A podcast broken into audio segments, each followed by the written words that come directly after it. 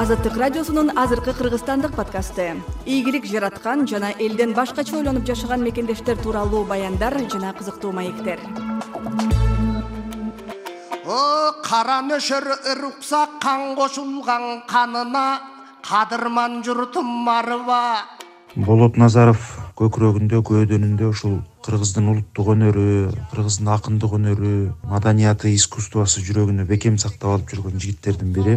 Элимдин туулган багына мектебим чыгып жыйырмага келтирген мени бабыма. Анан бул болот келгенде эле устаттарды таң калтыра ырдаган акындардын бири болгон.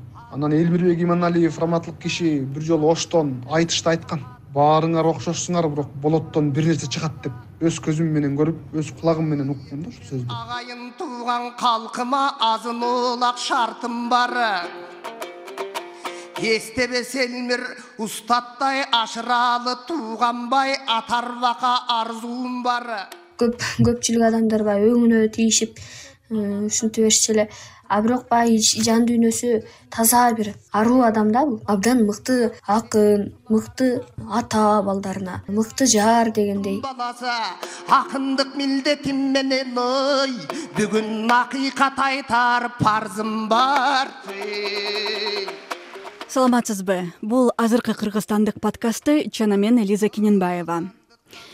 Бүгүнкү каарманыбыз төкмө акын болот назаров иликтөөчү журналист болот темиров менен кызматташып келген акын болот назаровду милиция жыйырма экинчи январдын кечинде кармап кеткен. Эртеси күнү улуттук коопсуздук комитетинин башчысы камчыбек ташиев маалымат жыйынын өткөрүп төкмө акын маңзат ишине байланыштуу кармалганын билдирген. Бул бала постоянно жанагы наркотикти колдонот экен. Бул колдонгондо дагы жөнөкөй наркотикти эмес бурбулятор менен колдонот экен. Э, бир эки адам э, арыз жазат. Алардын канынан наркотик чыккан. Журналисттер активисттер жана акындар жыйырма үчүнчү январда чогулуп акынды бошотуу талабын коюшкандан кийин үй камагына чыгарылган.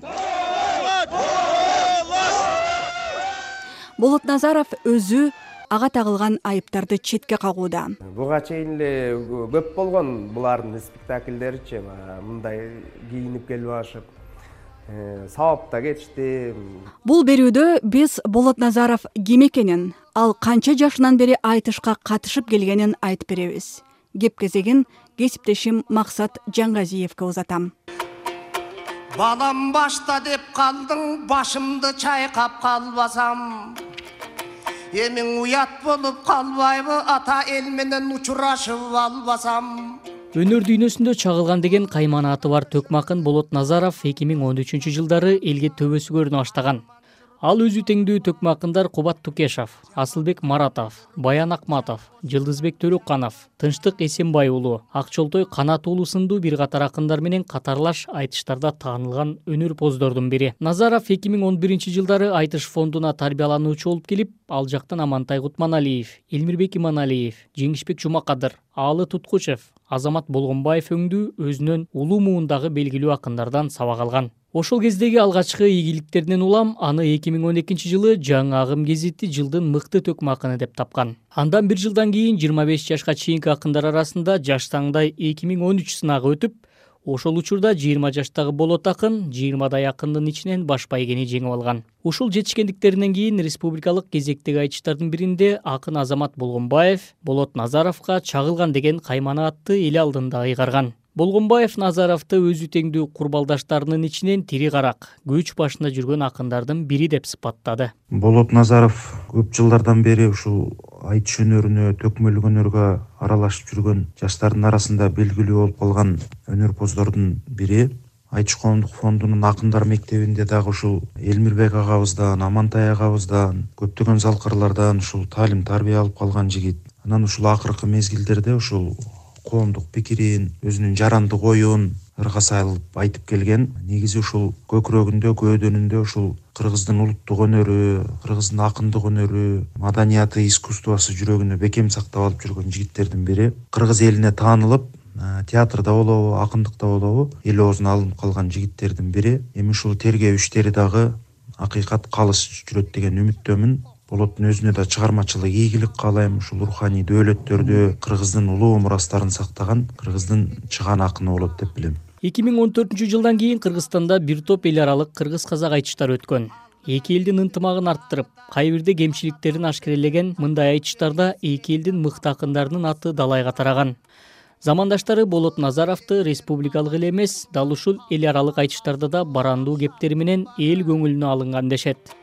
Эстебес элмир устаттай ашыралы тууганбай атарбака арзуум бар актаймын үмүтүңдү деп аларга берген антым бар. Керт башымдын өзүндө келеркиң урпак муунга келечек сунаар карзым бар.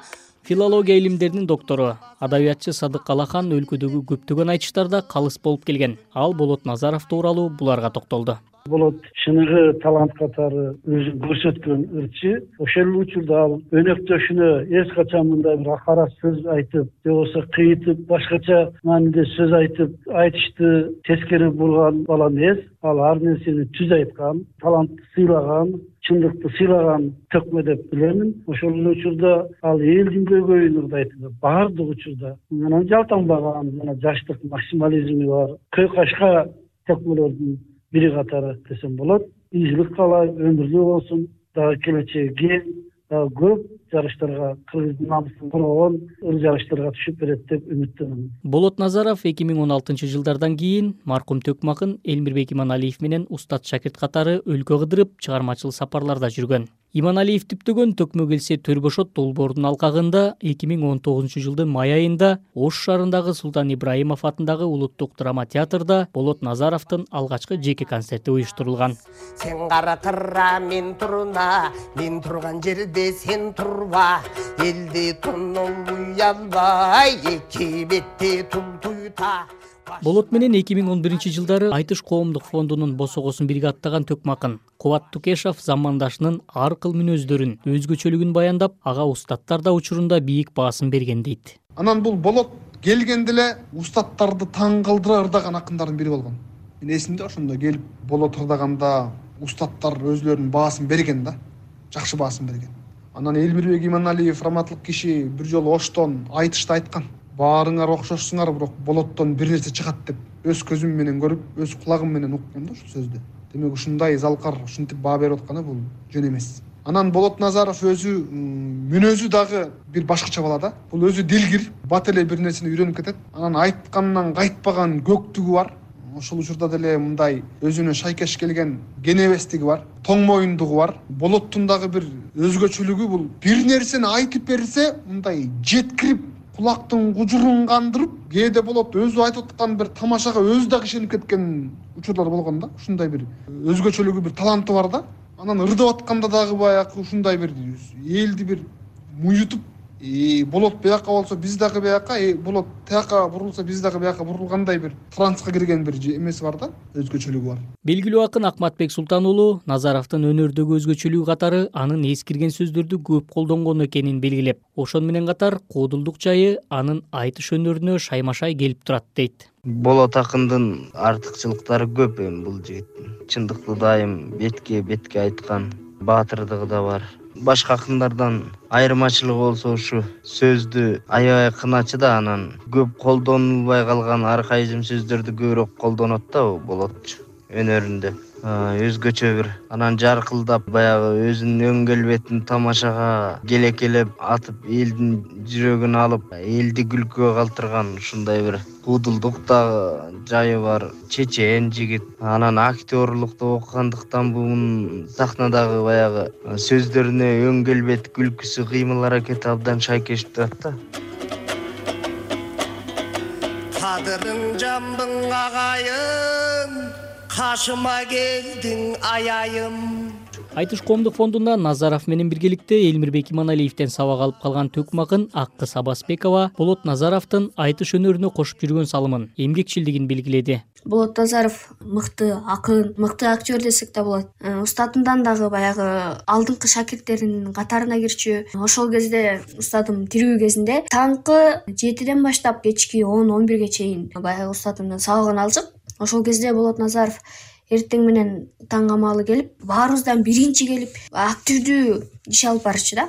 Чындыкты айткан чындыкты чыркырата айткан мыкты акын көмүрбү же ылайбы көркүнө көөнү мұңайды гүлүк аттай болотту күйүк нандай кылдың деп күнөөлөбөйм кудайды деп айткан саптарым бар эле. Баягы баарыбыз эле көп көпчүлүк адамдар баягы өңүнө тийишип ушинтип беришчү эле.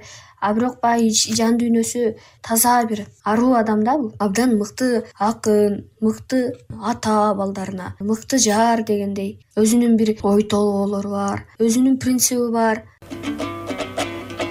Эки көзүң мөлтүрөп эске салат жай айын болот назаров бир миң тогуз жүз токсон үчүнчү жылы онунчу январда нарын районунун таш башат айылында туулган. Ал эки миң он бешинчи жылы бүбүсара бейшеналиева атындагы маданият жана искусство университетинин театр жана кино факультетинин драма жана кино актеру бөлүмүн аяктаган. эки миң он жетинчи эки миң он сегизинчи жылдары жалал абад шаардык театрында актер катары эмгектенген. Назаров эки миң он экинчи жылдан эки миң жыйырма биринчи жылдар аралыгында бир нече айтыштарда баш байгеге жана байгелүү орундарга татыган. Алсак эки миң он алтынчы жылы. Экинчи бүткүл көчмөндөр оюндарынын алкагында өткөн онунчу эл аралык айтышта биринчи орунга ээ болсо эки миң он жетинчи жылы белгилүү төкмө акын ашыралы айталиевдин токсон жылдыгына арналган республикалык айтышта баш байгеге татыган соңку кезде назаров белгилүү иликтөөчү журналист болот темировдун командасы менен бирге иш алып барып алар жасаган иликтөөлөрдү ыр саптарга айландырып ырдап келген. Башымдын өзүндө келеркиң урпак муңга келечек сунаар карзым бар. Мен айтыш фонддун баласы акындык милдетим менен ой. Бүгүн акыйкат айтаар парзым бар сиз азыркы кыргызстандык подкастын уктуңуз. Бүгүнкү каарманыбыз төкмө акын болот назаров болду. Берүүнү мен лиза кененбаева жана максат жангазиев даярдадык. Саламатта калыңыз. Азыр байлыгың ташып башкалар бизге калды саркынды. Казынаңды ашаптыр камандар эле жашаптыр карап көрсөң артыңды өзүбүз бекем болбосок өзгөлөр карап турбайбыңы сенин өлсө эле жейм деп тарпыңды